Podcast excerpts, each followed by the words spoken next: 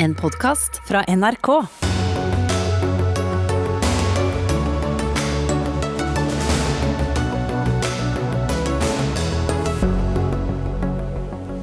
Sekundfersk partimåling gir Arbeiderpartiet regjeringsmakt med Senterpartiet og SV. De siste valglokalene stenger om seks dager og tre timer. Resultatene fra skolevalget blir klart klokka 19, men Dagsnytt 18 har registrert tendensen, og ungdomspolitikere kommenterer.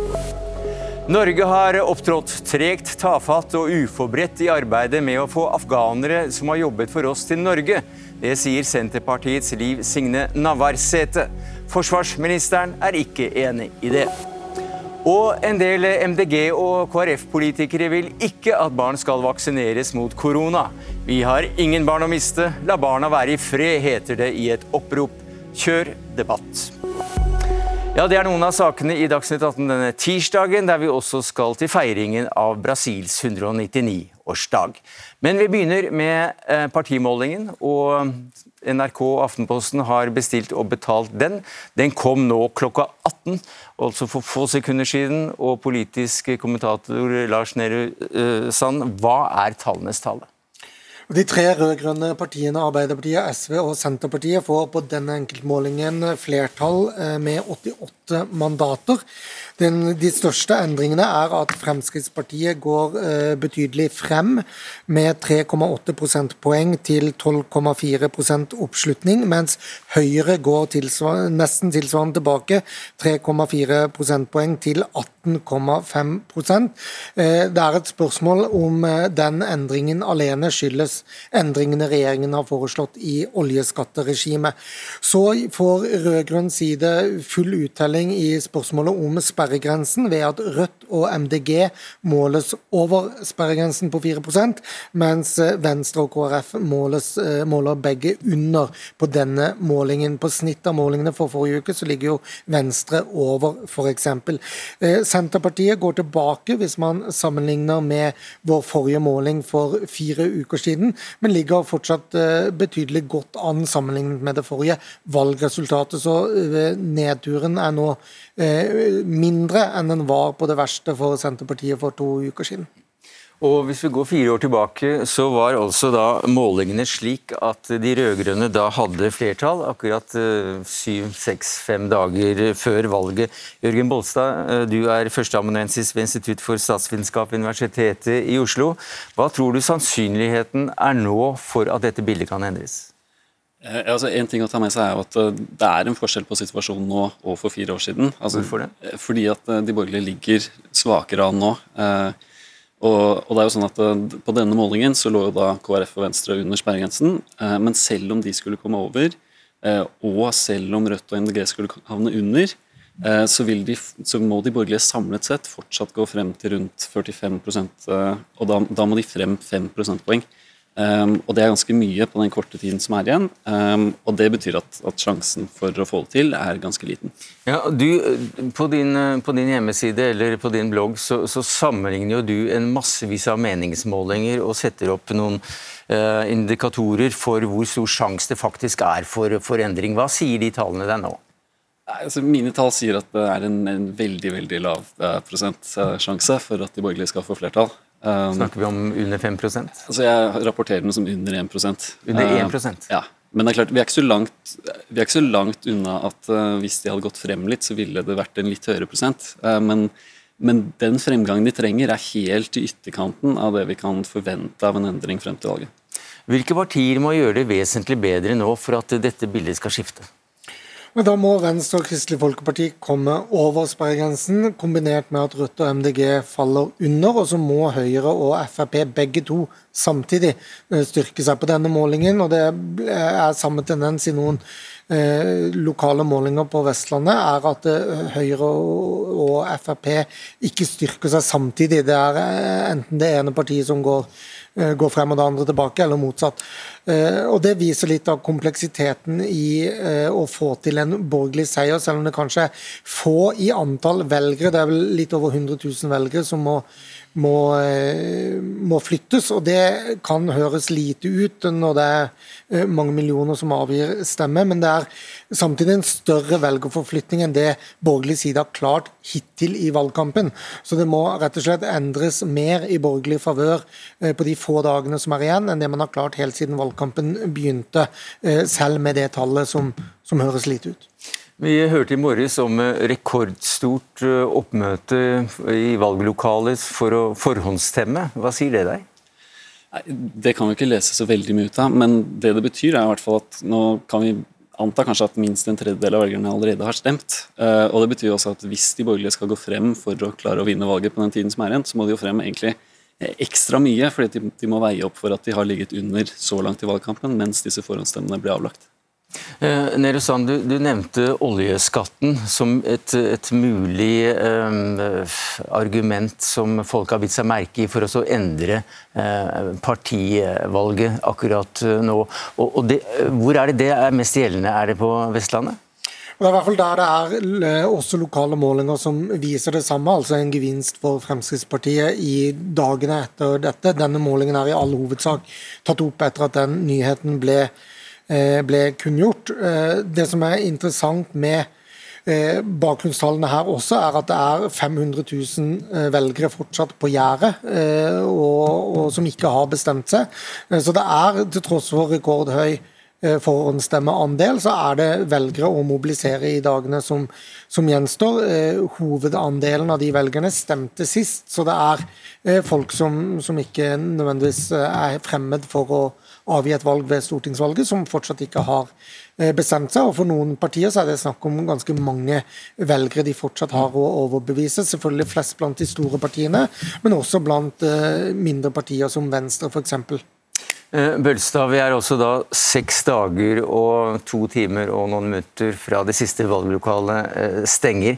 Hva slags sak enkeltsak er det noe som kan uh, gjøre noe med det resultatet som du mener er, vi er 99% fra å, å, kunne forutsi? Altså, det, det, måtte nok vært noe ganske voldsomt. Uh, for det er også Hvis vi ser historisk på det, så er det ikke vanlig å få så store endringer i, egentlig i hele valgkampen, og nå har vi bare én uke igjen. Uh, så det, det, er litt vanskelig å se for seg hvilken sak det skulle vært. Nå fikk vi akkurat denne Ropstad-saken, men den er nok ikke stor nok til å Uh, altså den, den, kom jo også i feil retning, men, men, hvis vi hadde fått en lignende sak på andre siden, så måtte vi jo sett om det kunne hjulpet. Men eh, det er vanskelig å se for seg hva det skulle vært. Det skal eh, fortsatt handle om tall og valg, og under en time fra nå så offentliggjøres også resultatene etter årets skolevalg. Og Bølstad, generelt når det gjelder skolevalg, hvorfor er vi så opptatt av det? Eh, altså de, de, kommer jo før valgresultatene, så det er jo noe av den første informasjonen vi får. på en måte, Den første pekepinn.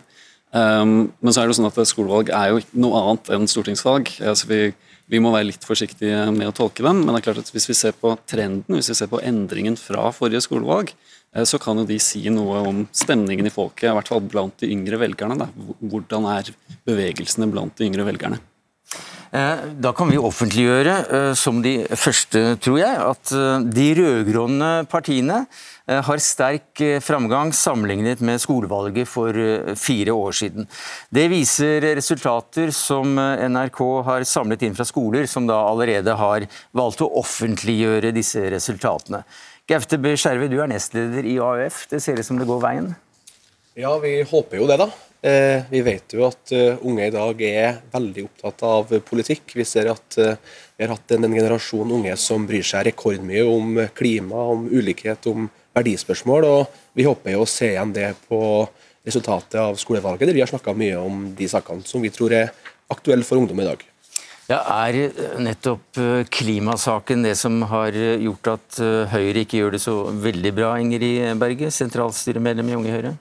Ja, jeg er helt enig i at klimasaken definitivt har vært veldig viktig i årets eh, skolevalg. Men for det første så venter jeg til klokka sju. Jeg er utrolig spent på hva de tallene kommer til å vise.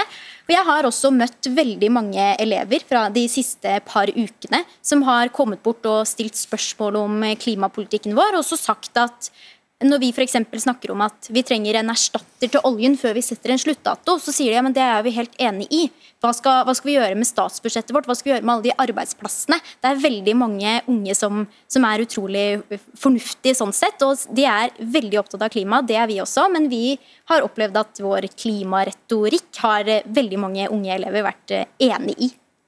Eh, hvordan ser du forskjellen på uh, voksenpolitikere og ungdomspolitikere når det gjelder denne valgkampen? her? Hvordan har de markert seg?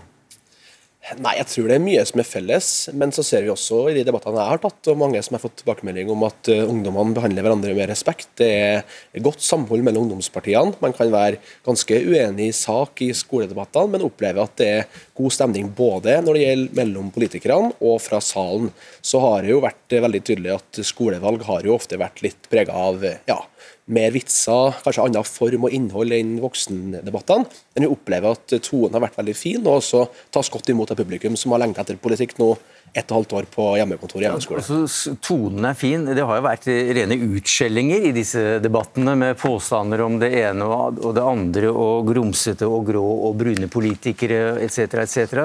Noe partiene må ha godt gå ut og si unnskyld for. Ja, Vi opplever at det har vært stor politisk eh, uenighet om saker, men at det har vært fin respekt mellom hverandre. Ja, vi opplever ikke at det har vært noe verre enn tidligere. Tvert imot så får vi tilbakemelding om at mange elever setter pris på at det kanskje er et format som er tilpassa ungdom i dag, men at det likevel er et, eh, en tone mellom debattantene som har vært fin. Hva sier du, er ungdomsdebattene mer tabloide? Ja, definitivt. Og det mener jeg også at eh, det i stor grad skal være. Altså Skoledebatter det skal både informere og det skal opplyse, men selvfølgelig skal det også være litt underholdende. Og det skal også gjøre at ungdom som sitter i salen og egentlig bare skulle hatt fritime, eh, også syns at det er interessant å høre på. Men det har definitivt vært en tøff tone i debatten. Eh, og Um, ja, og Det er meningen at man skal være litt kjappe i, i, replikken. Og så har vi sett at vi av og til har gått over en grense. Da mener jeg at alle ungdomspartier også har vært flinke til å si ifra at nå gikk du over en grense, det der er ikke greit å si, det der er ikke greit å kalle hverandre. Og så uh, retter man opp i det i veldig stor grad, har jeg opplevd. Men en tøff tone, det er det. Men du er også da sentralstyremedlem i Unge Høyre. og Hvordan skal Unge Høyre nå uh, markere seg kraftig de siste seks dagene? Eh, og, og tre timene for at eh, det fortsatt skal bli en borgerlig regjering?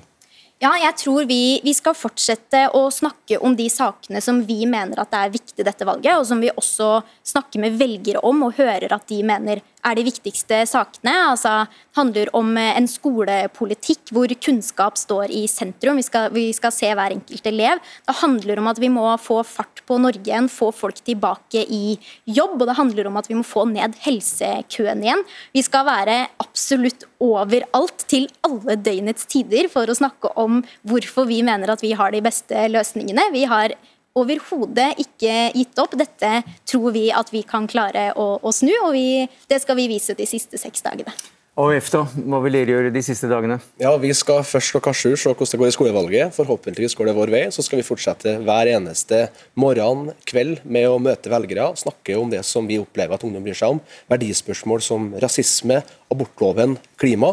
Eh, vi skal møte dem, snakke med dem og vise at eh, ungdomspolitikere også kan bane vei i å sette stemninga og engasjementet for unge folk landet over. Du, da blir jeg eh, fortalt at jeg ikke skal holde på dere lenger, for dere skal slippes løs for å dra ned til valgvaker. Lykke til og godt, godt ungdom, ungdomsvalg. Skolevalg. Men vi har fremdeles med oss deg, Jørgen Bølstad, førsteamanuensis ved Institutt for statsvitenskap. Eh, det er ikke så veldig mange skoler vi har fått resultater fra, da, og det er vel ikke så lett å si noe om en veldig klar trend, eller hva sier du? Nei, det er klart De tallene som jeg har fått se akkurat nå på forhånd, det gjelder jo bare veldig veldig få skoler. Eh, og da har vi et, et utvalg som ikke er et sannsynlighetsutvalg. og det vil si at Vi kan egentlig ikke anta at det er representativt. så Det er veldig vanskelig å tolke de tallene vi har sett til nå. Eh, men de vi får klokka sju, de vil jo være mer spennende. Ja, Du nevnte at det er spennende. Det viser, det viser, for det første så er det det første reelle på en måte resultatet vi har å, å bite i, og ikke bare meningsmålinger og partimålinger. Eh, men det, det, viser vel også da hva ungdom og også neste generasjon er opptatt av? Ja, og, det, og altså, hvis vi ser på endringer fra forrige valg, så viser det seg også, så viser det også hvordan eh, hva, hva ungdommen er opptatt av har endret seg siden forrige valg. og det Det kan jo også være interessant å se hvordan trenden er der. Og det kan kanskje si noe om trenden blant yngre velgere mer generelt. Da får vi se at det går i bølger eh, hvem som da vinner disse, disse eh, skolevalgene. Eh, nå ser det ut som AUF eh, gjør det bra, også et eh, tidligere da, statsbærende parti. Og så har Høyre gjort det bra, veldig bra for åtte år siden. Men så har det vel ganske ofte vært ytter, små ytterpartier som skåres sterkt på, stort på disse målingene? Ja, så Det er jo litt typisk at yngre velgere kanskje går mot ytterkantene. Gjerne stemmer litt mer radikalt, men kanskje også mer på miljøpartier og på enkeltsaker osv. Så, videre. så vi ville jo kanskje forventet at f.eks. MDG og Rødt skulle gjøre det godt i dette valget. Eh, basert på de tallene vi har sett akkurat nå, så tyder det jo ikke på det. Men så er det heller ikke så mange skoler fra Oslo som er rapportert ennå, så det er litt vanskelig å tolke det. men men per nå, det at f.eks. Eh, Arbeiderpartiet ser ut til å gjøre det godt, det går litt imot det bildet. da. Men hvis dere ser på uh, hva unge velgere prioriterer av saker, og hva de prioriterer av saker f.eks. om åtte år, og så er, er, det noen grunn til å tro at de sakene de er opptatt av nå, og de partiene de, de faktisk velger, at de vil holde seg over tid? Eh, det er jo veldig vanskelig å si, men det er klart det er jo en viss stabilitet i folks eh, politiske orientering. Eh, men så er det også et mønster at yngre velgere har visse andre preferanser og f.eks. stemmer mer miljøvennlig. Men jeg tenker at hvis vi nå ser f.eks. en mobilisering rundt klimasaken blant yngre velgere, så vil jeg jo tro at det til en viss grad holder seg over tid. Takk skal du ha, Jørgen Bølstad, førsteamanuensis ved Institutt for statsvitenskap.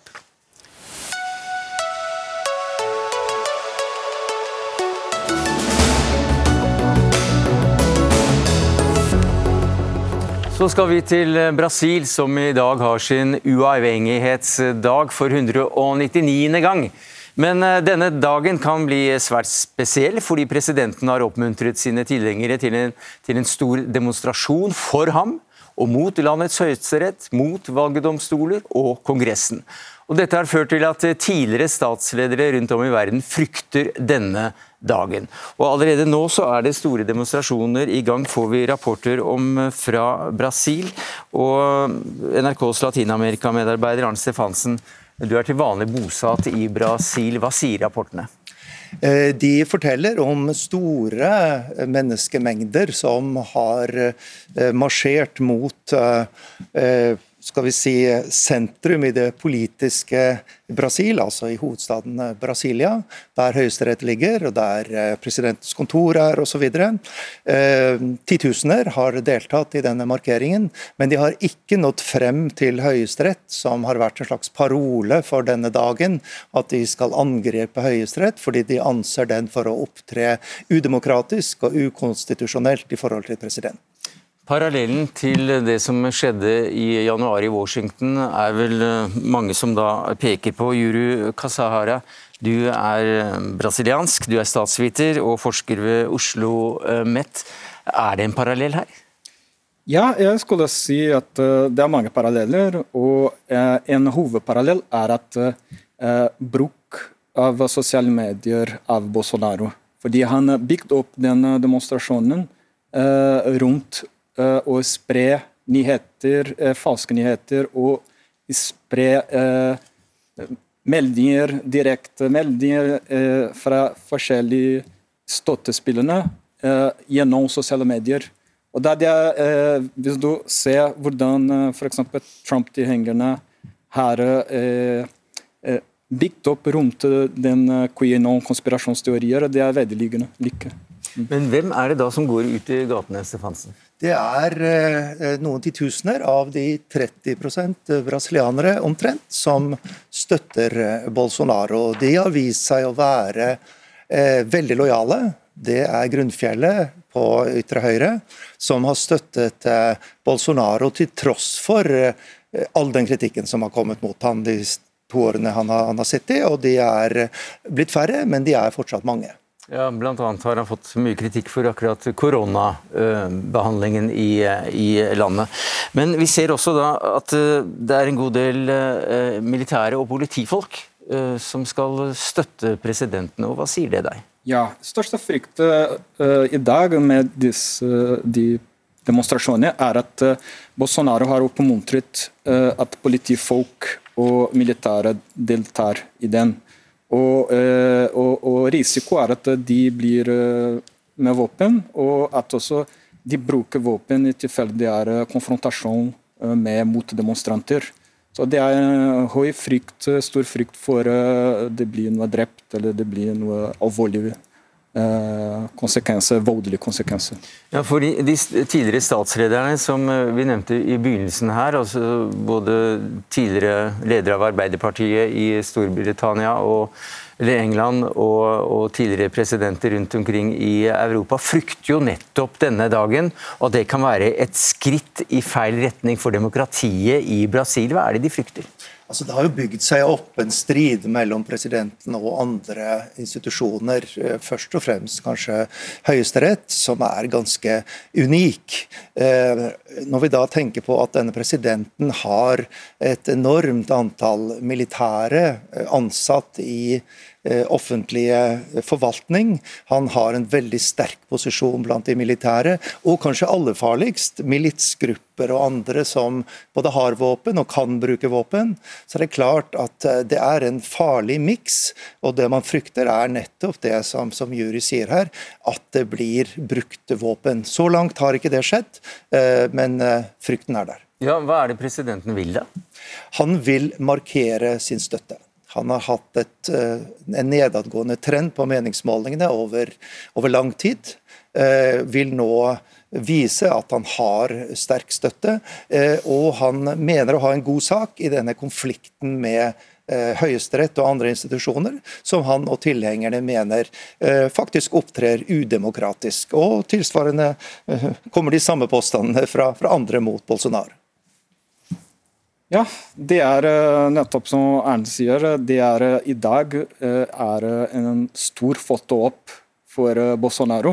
Fordi han vil vise til brasiliansk samfunnet at han har folk bak han som støtter hans meninger.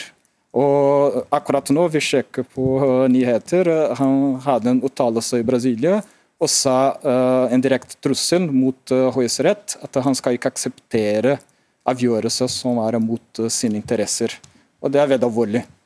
Det virker jo veldig som eh, en eh, mann vi har omtalt mange ganger, og fra januardagene. Og Trump og den brasilianske presidenten sto hverandre ganske nært. Ja, Bolsonaro har aldri lagt skjul på at han er en stor beundrer av Trump. Han bruker mange av hans slagord. Han støttet ham, var den siste statsleder i verden som, uh, som erkjente nederlag for Trump etter, etter valget i, uh, i, fjor. Men Jeg skal tilbake til dette åpne brevet, helt kort til slutt, Juri Kasara. Der skriver altså de tidligere lederne, presidenter etc., at den brasilianske presidenten og hans allierte allierte nå muligens forbereder å gjennomføre et militærkupp i Brasil? Ja, eh, det er, eh, det er en risiko for eh, egentlig Bolsonaro bruker militæret for å ikke akseptere valgresultat neste år. Det er en, en mulighet. Så han, bygger opp en, til en situasjon at neste år, hvis ja. han taper valget, så, så, er det, eh, så, er det, ikke, ikke et rettferdig valg? Akkurat. Så det er i dag Det, det er ikke, i alle fall i min mening, det er ikke frykt for en kupp, men eh, det bygger opp en, eh, en momentum for at neste år, hvis han taper valget så det kan bli uh, en kupp, og han kan bruke militæret for å, å ikke uh, bli avsett av uh, presidentstolen. Det var så langt vi kom når det gjaldt Brasil. Følg med på nyhetene. Det er altså 199-årsdagen til Brasil som feires. Og kanskje blir det vel spennende feiring. Juri Kasahara, statsviter og forsker ved Oslo OsloMet, takk skal du ha. Takk til Arnt Stefansen, utenriksmedarbeider i NRK.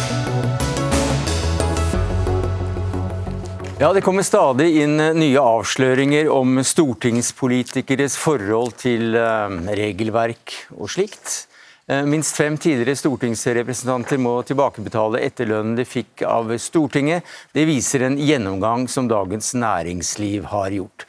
Sakene kommer da på toppen av Aftenpostens avsløring søndag kveld om alle pengene Kristelig Folkepartis leder har skaffet seg gjennom stortingsordninger på lovlig vis ifølge Stortingets regelverk, mens jusprofessorer mente at det var ulovlig ifølge folkeregisterloven. Ropstads vurderingsevne og moral blir jo da også trukket i tvil. Men først til deg, Fridtjof Jacobsen. Du er politisk redaktør i Dagens Næringsliv. Hva slags saker er det dere har avslørt nå?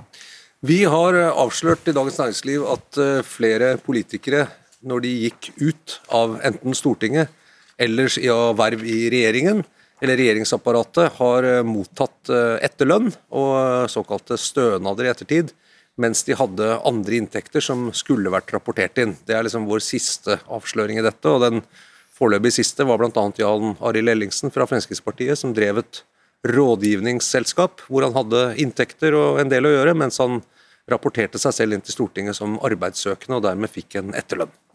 Hva slags saker er det, hvis du ser litt stort på det og under ett? Det siste var når Aftenposten kom for et par timer siden med en arbeiderpartipolitiker som bor både i Arendal og, og, har en leilighet i Oslo, men gratis leilighet allikevel fra, fra Stortinget. Eh, generelt, hva kan du si om denne type saker? Det er egnet til å, å nøre opp under politikerforakt hvis det danner seg et bilde på sum av reiseregningssaker og andre som du nevner, eh, som viser at eh, politikerne som skal forvalte vår alles tillit, ikke klarer å navigere i de tillitsbaserte ordningene Stortinget og storsamfunnet har, eh, for å gjøre det mulig å kombinere det å ha eh, framtredende tillitsverv med eh, et liv før og etter det. Eh, og det er jo kanskje summen av dette som er mest skadelig for, for politikken som sådan. Eh, hvis velgerne føler at eh, de politikerne vi har, ikke, ikke er den tilliten verdig. Overraskende? Det er jo en historie for at politikere har vært litt kreative og, og på en måte veldig regelkyndige når det gjelder på hvordan man skal få ut ytelser. For en del år siden så hadde vi jo en del etterlønnssaker hvor eh, flere politikere faktisk måtte i retten. Deriblant eh, tror det var Anders Anne Sjåstad og Magnus Stangeland, to tidligere politikere, for at man hadde fått en del etterlønnsytelser i lang tid etter man hadde vært stortingsrepresentant og hadde glemt å oppgi andre inntekter som man hadde som man skulle gjort. Og man hadde også en som eh, satt og på en måte finregnet i et selskap akkurat hvor mye lønn han kan, kunne ta ut hvert år for å beholde en relativt gunstig etterlønnsordning fra Stortinget. Så, så det er jo ikke noe nytt eh, at disse ordningene blir eh, på en måte brukt eh, på en måte som noen vil kalle misbruk, men som kanskje er liksom akkurat innenfor det regelverket tilsier. Og så har det vært svake kontrollmekanismer også, særlig fra Stortinget. Og det skal vi tilbake til, for vi skal snakke med stortingspresidenten. Men da vi snakket med deg tidligere i dag, så nevnte du Ropstad i forbindelse med at du da ble overrasket. Hvorfor det? Jo, jeg ble overrasket fordi eh, det er når man ser på dette at man kjøper seg en, bo, en bolig på Lillestrøm, Eh, man flytter ut av en leilighet man eier i Oslo for å skaffe seg en eh, sånn stortingsleilighet, så er det noe bevisst i det som jeg syns er litt rart at en eh, med så fremtredende verv ikke har på en måte vært mer sånn djevelens advokat overfor seg selv og sett om, om man kan godt hende han var innenfor ordningen, som han også har fått beskjed om fra Stortinget, men at han ikke spurte seg selv litt grundigere om dette var i tråd med ordningens intensjon. Og Det er kanskje litt rart at han heller ikke spurte noen rundt seg om dette var i tråd med ordningens intensjon intensjon, som jeg mener i hvert fall det ikke var. Hvis du har en bolig på østlandsområdet som er nærme Oslo, så er det vel fair at du bruker den, og, og ikke da gjør deg liksom rett til pendlerleilighet ved å måte, oppgi at du bor på gutterommet. Det, det, det, var ikke så vanskelig når det først ble fremstilt i avisen. Det er litt rart han ikke stilte seg det spørsmålet selv først. Men uh, reiseregninger er vi jo da uh, dessverre vant til at blir politisaker, også i, uh, i, Stortinget. Og igjen tilbake til det overordnede blikket. Er dette for gunstige ordninger for stortingspolitikere, og for dårlig oppfølging? Det er gode grunner for at eh, stortingspolitikere skal ha andre ordninger enn, enn kanskje vanlige arbeidstakere har gjennom sin jobb. Eh, og Det er kanskje også gode grunner for at eh, dette gutteromsunntaket faktisk finnes, rett og slett fordi den situasjonen eh, kan oppstå. Det, det, det, ugunstige, og det som jeg tror eh, ikke rimer med folks holdt på å si, rettsoppfatning, er jo hvis man eh, er kreativ og skal utnytte det til, til siste, siste øre og krone. for for å begunstige seg selv. og Det er jo Ropstads store problem. at Det etterlatte inntrykket her er at han har prøvd å berike seg på fellesskapets midler. mens mens andre som enten er i Nav-systemet eller mottar offentlig stønad på andre vis, nærmest blir Eh, blir forfulgt eh, for å følge, se til at de følger reglene til punkt og prikke. Og Det tror jeg mange reagerer på. Hvis, du skal over til Stortinget, så er det jo verdt å sende med at det som er tross alt bra, er at eh, det er stor grad av offentlighet og åpenhet om disse ordningene. Vi som journalister og andre kan jo kreve innsyn i alle reiseregninger, i ordninger og stønader de får. Så det er på en måte et, det er ikke lukket for undersøkende og noen ganger også avslørende journalistikk. Så åpenheten rundt de, hva de får av ordninger og hvordan det er utformet, er vil jeg si er relativt god. og Det gjør jo da at man kan eh, få satt fingeren på det som er kritikkverdig, eller i hvert fall det er grunn til å stille spørsmål ved, som f.eks. Ropstad. Det er også for å eh, bygge opp under demokratiet. Det er jo helt naturlig at uh, alt de mottar, både stortingspolitikere og politikere i regjeringsapparatet, er er offentlighet rundt. Det er jo en del av hele offentlighetsloven og hvordan vi liker å ha det. Men, men det systemet virker også. Det er jo det man ser at uh, det er ikke noe forsøk på å skjule liksom, dette fra Stortingets side. så Det, det skal faktisk både Stortinget og regjeringsapparatet ha for, at de viser en stor grad av åpenhet. og Da kan man få avdekket usunn praksis. Tone Trøen, der fikk du med deg i hvert fall eh, de godordene der du sitter som eh, stortingspresident, men nå i Wien, Østerrikes hovedstad. Du er altså nummer to etter kongen her i landet. Hvordan reagerer du på de siste dagers avsløringer? Nei, altså vi, Denne siste uken før valget, som burde vært preget av politiske debatter som, som drar folk til stemmelokalene, eh, opplever at det er disse sakene nå som får stor oppmerksomhet. Det, det bekymrer meg jo, fordi vi er avhengig av tillit eh, hos velgerne. Eh, at det blir satt lys på disse sakene. Også slik som, eh, som Fridtjof Jacobsen sier, det, det, er bra. Det er en viktig del av, av, kontrollen med ordningene og med etterlevelse av ordningene. Men eh, som stortingspresident, hva slags eh, ansvar mener du at selve Stortinget og ikke bare enkeltrepresentantene har for at disse reglene følges? Nei, Vårt ansvar er jo, er jo, for det første å vedta regler og retningslinjer som, eh, som er i tråd med samfunnsutviklingen eh, ellers. Vi har jo de siste årene eh, gjennomgått mange av våre regelverk. Vi har økt kontrollen, vi har økt åpenheten, vi har økt dokumentasjonskravet. Og det er et veldig, veldig viktig arbeid. Så er det også sånn at vi kontrollerer eh, disse, altså etterlevelsen av disse, disse reglene. Eh, og når det gjelder den saken om fratredelsesytelse eller etterlønn, så har vi også skjerpet kontrollen av det nå fra denne høsten av. Så vi har selvfølgelig som, som institusjon et stort ansvar. Og så påligger det og påhviler det også hver enkelt stortingsrepresentant et stort ansvar og eh, bruke disse ordningene etter hensikten.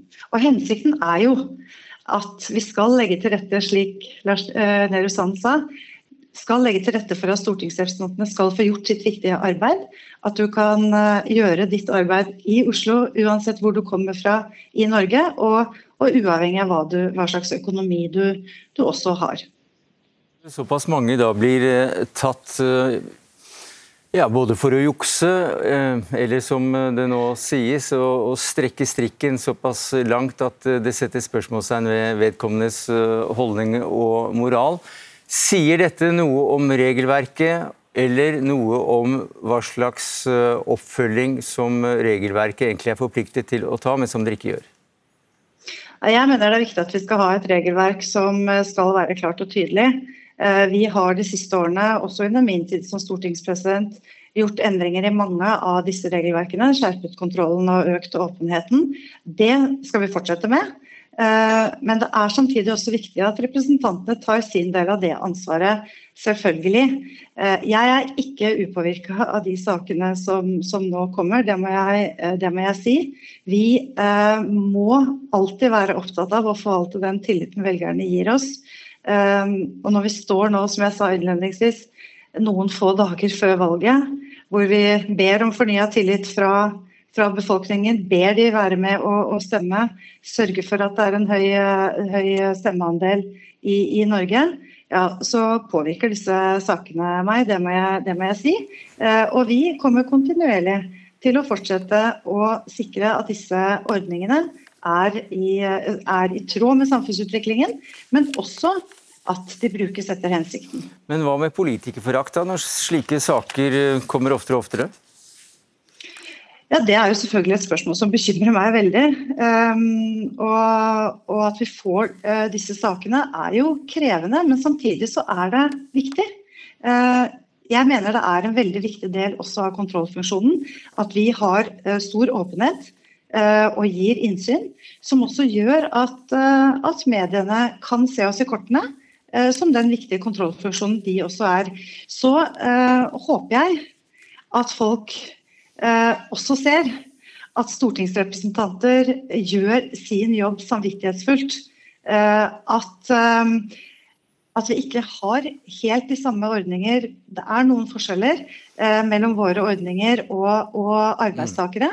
Vi skal forvente at stortingsrepresentanter gjør en stor innsats eh, men vi må også forvente at de, at de, forholder seg til de reglene som, som ligger.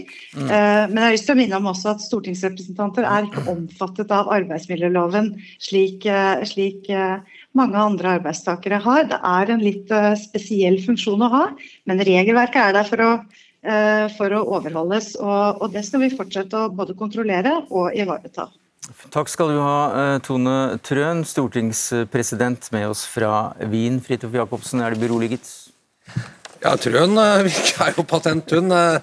Eh, men altså, politikerforakt jeg er ikke sikker. Det har vært, vært mange av denne typen saker. Jeg har vel ikke akkurat økt politikerforakten voldsomt. De var nok verre, mange av disse etterlønnssakene som jeg nevnte i stad for en del år siden, uten at det hadde noen sånn avgjørende betydning, tror jeg. Jeg tror det hun sier om at det at det er så åpent, at det er så lett å få innsyn i alt, det, og at pressen da går etter denne typen saker, enten Dagens Næringsliv eller Aftenposten, ganske sånn systematisk, også med denne forrige runden med reiseregning osv., det har nok en litt sånn avskrekkende effekt. Det som er nedsiden med dette, er jo at for mange representanter som er avhengig av et system som gjør at de kan bevege seg f.eks. fritt i hjemfylket, eh, være eh, hjemme i fylket sitt, finne hva som skjer, representeres, hvis systemet blir liksom veldig mye kontroll og veldig mye legitimering for å gjøre helt vanlig politisk virksomhet, så kan jo det liksom kjøle ned kontakten mellom de eh, fylkene eller valgdistriktene de representerer, og tilværelsen deres i Oslo. og det ville jo vært dumt, eller det kan skremme folk fra å ta politiske verv fordi man tenker at uh, noen er ute etter oss hele tiden fordi noen har lagd et inntrykk av at vi er juksemakere. og det, det er jo veldig synd, det vil jeg si. Takk skal du ha, Fridtjof Jacobsen, politisk redaktør i Dagens Næringsliv. Og takk til deg, Lars Nehru Sand, politisk kommentator her i NRK.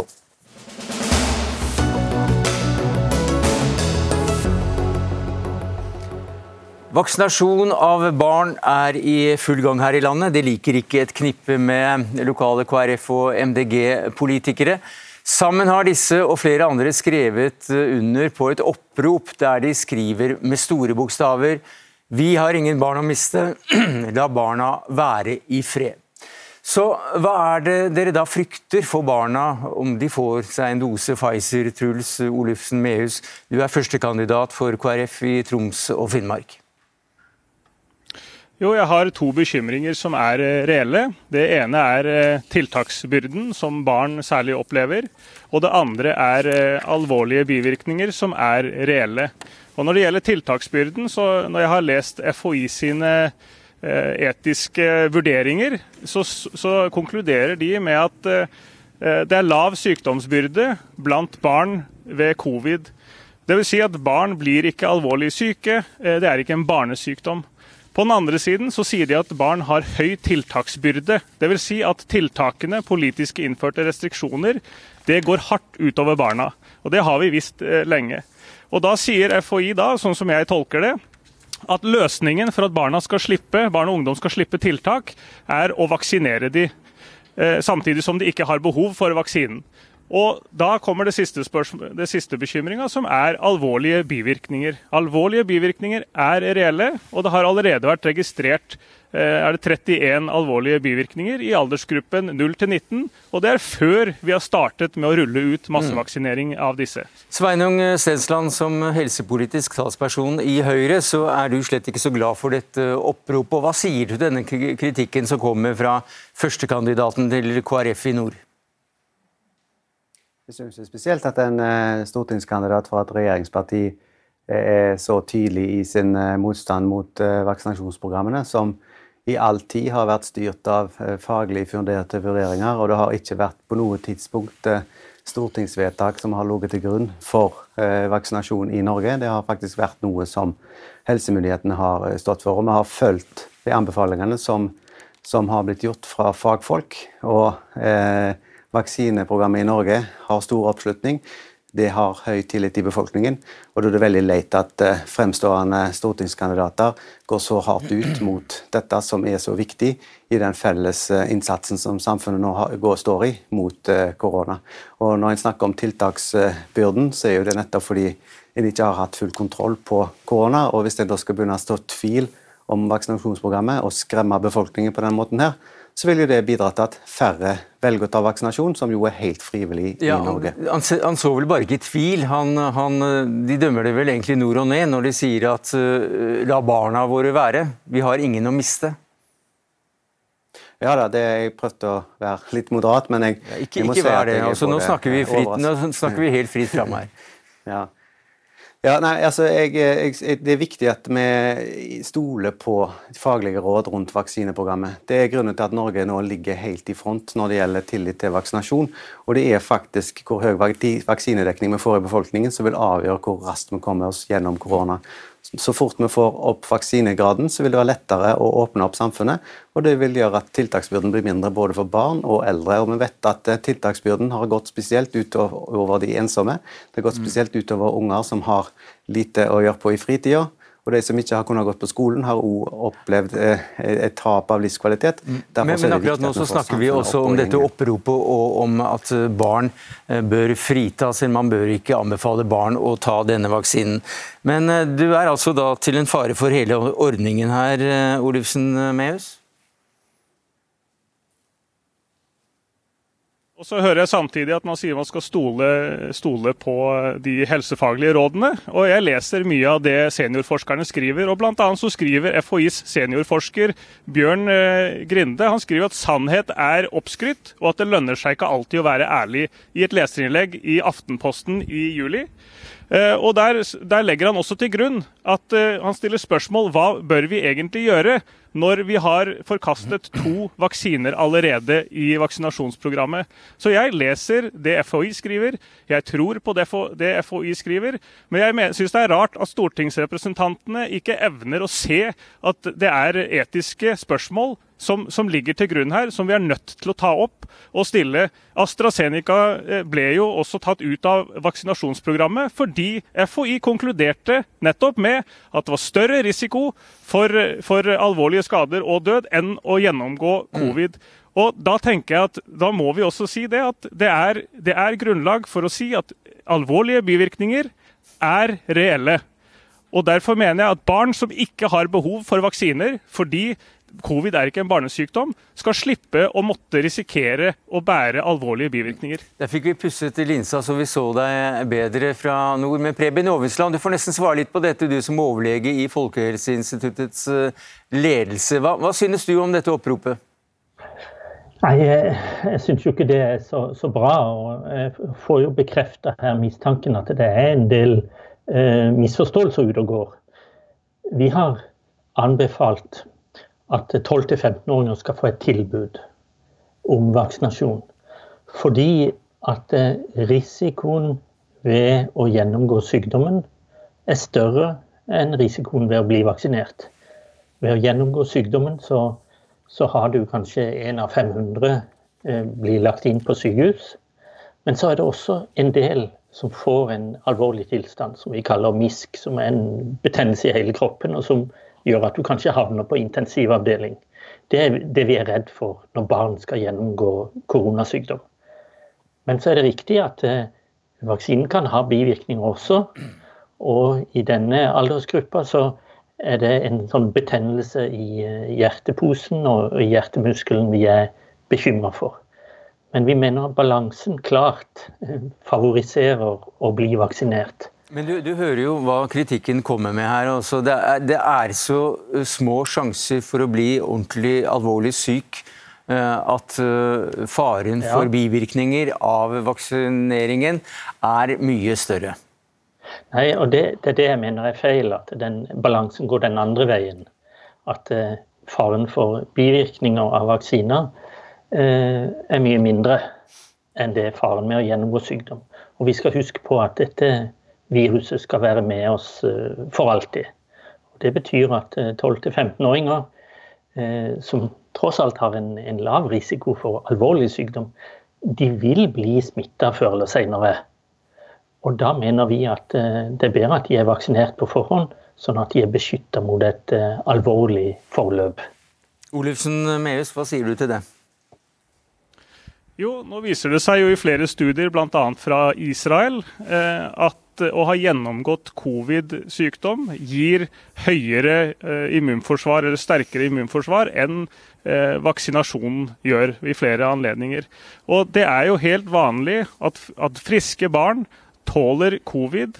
Eh, og vi må jo legge til grunn at de aller, aller fleste som er friske, har ikke behov de har ikke et reelt behov for denne covid-vaksinen, samtidig som det er en reell risiko for bivirkninger. De som har underliggende sykdommer, kan selvfølgelig og bør selvfølgelig få tilbud om eh, vaksinering. Men de, som, eh, de, øvrige barna som er friske og sterke, som ikke har behov for det, da forstår jeg ikke de etiske vurderingene til FHI når dere legger til grunn at det er tiltaksbyrden som er størst for barna, og at de vil slippe tiltaksbyrden dersom de mm. vaksineres. Det er det jeg retter kritikk, kritikk mot. Problemet er at det er også helt friske barn helt friske barn eh, kan få disse alvorlige forløpene. Det er ikke mulig å si det på forhånd, hvem som får det eller ikke får det. Derfor så har vi valgt å gi et tilbud til foreldrene, så de sjøl kan velge om de er villige til å ta den risikoen for at deres barn skal bli smitta og få alvorlig sykdom.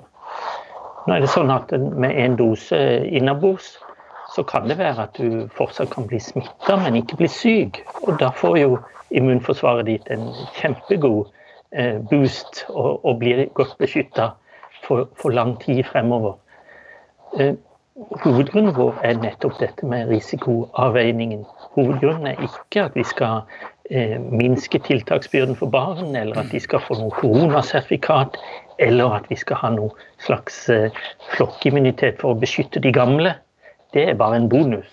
Hovedgrunnen er at barna kan trenge den beskyttelsen, de også. Men det, dette er en, en, vanskelig avgjørelse. Det var mye lettere å avgjøre å tilby vaksine til de eldre, som virkelig, der korona virkelig er en farlig sykdom. Hos barn er det ikke en veldig farlig sykdom. De som husker tilbake en 10-12 eh, års tid til svineinfluensaen, vil nok også ha fått med seg at uh, det ble vi jo alle anbefalt å gi også våre barn. Men eh, da skandalen var et faktum og mange ble syke, så var du den som sa at dette er den største vaksineskandalen i nyere tid. Nei, jeg sa dette er den verste vaksinekatastrofen. Ja. Og det er sant. Det ble dessverre en del alvorlige sykdomstilfeller blant barn. Så hvordan kan, være, altså, hvordan kan du være sikker at det går bra denne gangen, da? Nei, vi kan aldri være sikre når vi introduserer en, en ny vaksine. Men nå er den ene vaksinen fra Pfizer er gitt til 1 milliard mennesker. Og den andre fra Moderna til over 200 millioner mennesker. Det er noen av de nye legemidlene som er gitt til aller flest mennesker i, i verden. Og det er også gitt til millioner av barn.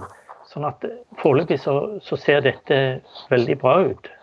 Og vi forventer selvfølgelig ikke noen eh, sånne alvorlige bivirkninger. Men vi kan ikke utelukke det. Men skulle vi vente til vi kunne utelukke det, så, så vil det jo være altfor seint. Men hva sier du da til at det er ganske fremtredende politikere som en førstekandidat for KrF i Troms og Finnmark, som tar et initiativ til et eh, slikt opprop? Ja, jeg vet ikke hvor fremtredende det er å være førstekandidat for UKF i, Nordland og Troms, men jeg syns jo, jo, det er litt, litt dumt at de går så, så sterkt ut mot dette. Jeg syns vi kan la foreldrene få lov å avgjøre dette sammen med sine barn. Vi har en faglig vurdering i, i likhet med den i, i, Danmark og en rekke andre land om at det, det er en rimelig å tilby dette til, til barna. Fordi at eh, viruset vil være her eh, for alltid. Og da er det kanskje bedre å, å være vaksinert enn å bli smitta. Det var det vi rakk om vaksiner eh, i dagens sending av Dagsnytt 18. Takket være Truls Olufsen Mehus, Sveinung Stensland og Preben Aabisland. Takk skal dere ha.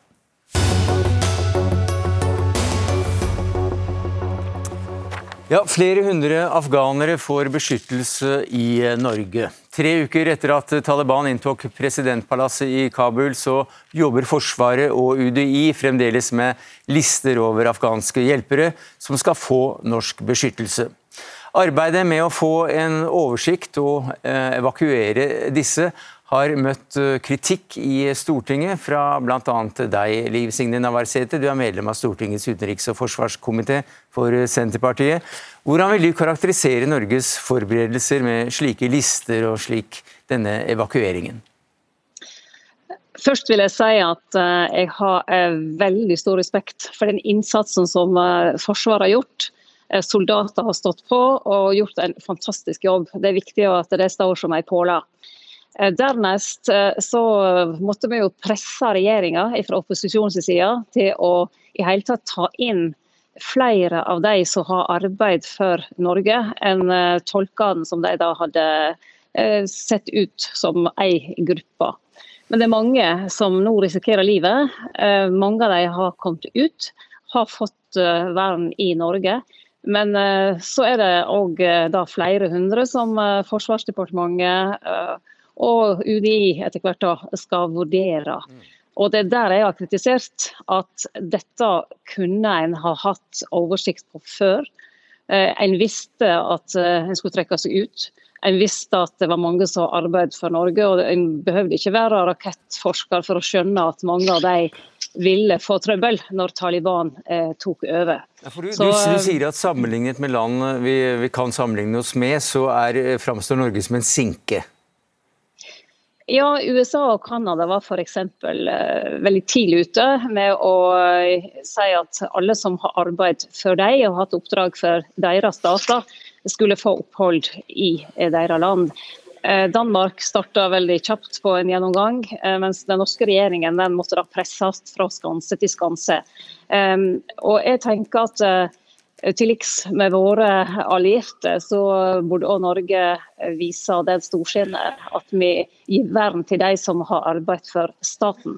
For det er jo det en gjør når en arbeider for uh, det norske forsvaret. Norge har alltid uh, våre uh, vist en alliansetrufasthet til de som har arbeidet for oss. Vi har alltid vært, visst at vi er til å stole på, og det må vi gjøre her òg. For de som nå Eh, er i livsfare. Og så skal ikke jeg vurdere hvem som skal komme inn. Nei, det men, men, men, det er det andre som gjør. Men vi har med oss en som i hvert fall kan legge eh, rammene, slik at eh, det både går raskere og, og ryddigere. Og det er vel deg, da, som eh, forsvarsminister eh, Frank Bakke-Jensen. Du jeg ser du har mange folk bak deg, og du står og holder en, en, eh, en mobil selv. Men du hørte hva Liv Signe Nærvarsete sa, altså at du, står i bresjen for at Norge framstilles som en sinke? Ja, nei, altså, Jeg har hørt kritikken fra Liv Signe Navarsete. Den er helt urimelig. Eh, for det første så hadde vi alle, Forsvaret hadde alle sine ansatte med familiene hjemme i juni. Og Så registrerer jeg at hun peker til Danmark. Danmark henter sine hjem i august og gir dem Eh, to års midlertidig opphold. Vi hadde rigga sånn at de får komme til Norge og får opphold her. Så er det et komplekst eh, bilde. For det første så skal vi være klar over at da, eh, da ting endra seg så fort, så sto vi faktisk med, med styrkene våre på gjerdet. Eh, måtte advare folk mot å nærme seg flyplassen i Afghanistan rett og slett fordi det var for farlig. Det var usikkert hvordan Taliban agerte i resten av Afghanistan. Vi kunne ikke anbefale folk å begynne å gå mot Kabul for å forsøke å komme seg ut, rett og slett fordi risikoen var for stor. Vi hadde god etterretning på at eh, det kunne skje ting, og dessverre traff den etterretninga med det bombenedslaget som, eh, som var rett utenfor porten, med mange hundre døde og såra. Jo, men det, var, det var vel, kom vel ikke som en overraskelse at denne krigen kommer til å ta slutt, og at eh, Nato og USA trakk seg ut, slik at planleggingen av hvem som skulle få komme til kongeriket Norge, den gikk det vel an å gjøre noen uker i forveien? Ja, men Hvis du hører hva jeg sier, så sier jeg at de, de, de som var ansatt hos det norske forsvaret, der borte, og familiene deres, tolker og renholdere, dem hadde vi ute i juni allerede. Så er det ganske, et ganske komplisert bilde hvem som har vært ansatt tidligere. Vi begynte i 2012 å behandle søknader fra, fra afghanere som hadde vært ansatt av Forsvaret og begynte å ta folk hjem.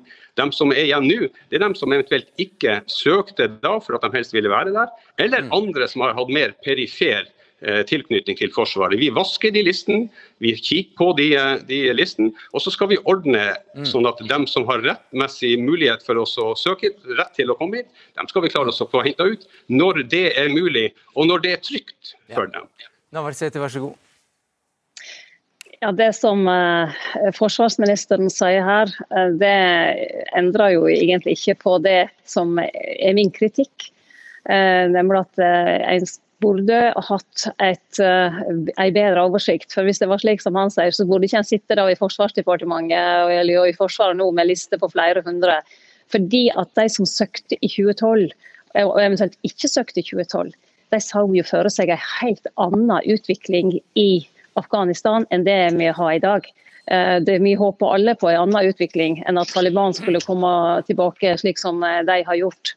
Så, um, så min kritikk står. Jeg mener at regjeringa ikke gjorde jobben sin på forhånd. Og så skal jeg gi kred for uh, at når dette her først brakka løs, så har en gjort det en har kunnet. Og det har jeg absolutt all respekt for. Både det som har skjedd fra departement, men ikke minst selvfølgelig de som har gjort jobben i Afghanistan. De fortjener vår aller største respekt for at de har fått ut mange, men det er altså da mange igjen som iallfall ikke jeg vet hvorvidt de bør få komme, men som, men som føler sjøl at de eh, har risiko for sitt eget liv. Ja, programleder, Det er ennå en søkt kritikk. og Jeg hadde ikke gjort jobben min hvis jeg hadde utsatt folk med mer eller mindre perifert forhold til det norske forsvaret for den risikoen det var å begynne å, å dra fra provinsene inn mot Kabul i den situasjonen som det var fra juni og utover. Vi henter hjem dem som var ansatt, og så rigger vi en ordning ut for at vi skal ta vare på de andre. Sånn er det med den saken. Ja, jeg registrerer at eh, ministeren ikke er opptatt av kritikk. Og selvsagt, når jeg hører hva han sa i dag tidlig om at eh, vi som satt inne i vestlandsfjordene borte i Sogn eh, selvfølgelig ikke hadde evne til å tenke store tanker om dette, så skjønner jeg at han har en litt arrogant tone. Jeg syns han skal være litt mer ydmyk. Og jeg mener vi skal lære av dette hvis vi kommer opp i andre situasjoner der vi skal planlegge eh, lignende. Eh, da bør vi være før ute. Og jeg tror å vite at det òg har vært stemmer i Forsvaret som har meint at en skulle starta tidligere. Uten at det skal komme mer inn på det. Jeg må få sitere en tidligere leder i Senterpartiet. Du aner ikke hva du snakker om. Valgkamp. Eh, det, er dine ord. Jeg står mitt. Og så ser jeg at du er mye mer skjelven på hånda enn jeg, for jeg holder òg mobilen i hånda. Ja, der, skrudde han av, eh, så får du tolke det, det som eh, du vil, Navarsete. Men uh, han holdt altså en tale i forbindelse med en valgkamp. Men hvordan har du tenkt oss å forfølge denne saken? Nei, Det som er viktig nå, det er jo at, uh, at en får klargjort de listene som en jobber med. At uh, UDI får gjøre sin jobb. Og at de som har rett til å kunne eh, få opphold i Norge, får det. Jeg sier ikke dette på, som dette har ikke med innvandring å gjøre.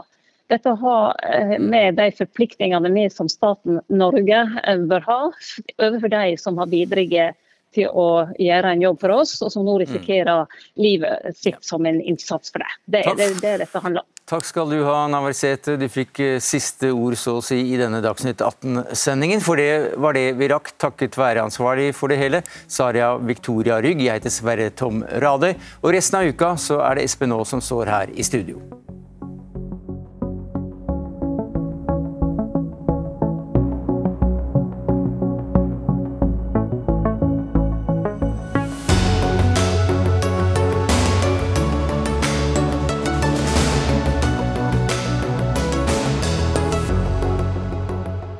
Du har hørt en podkast fra NRK. Hør flere podkaster og din NRK-kanal i appen NRK Radio.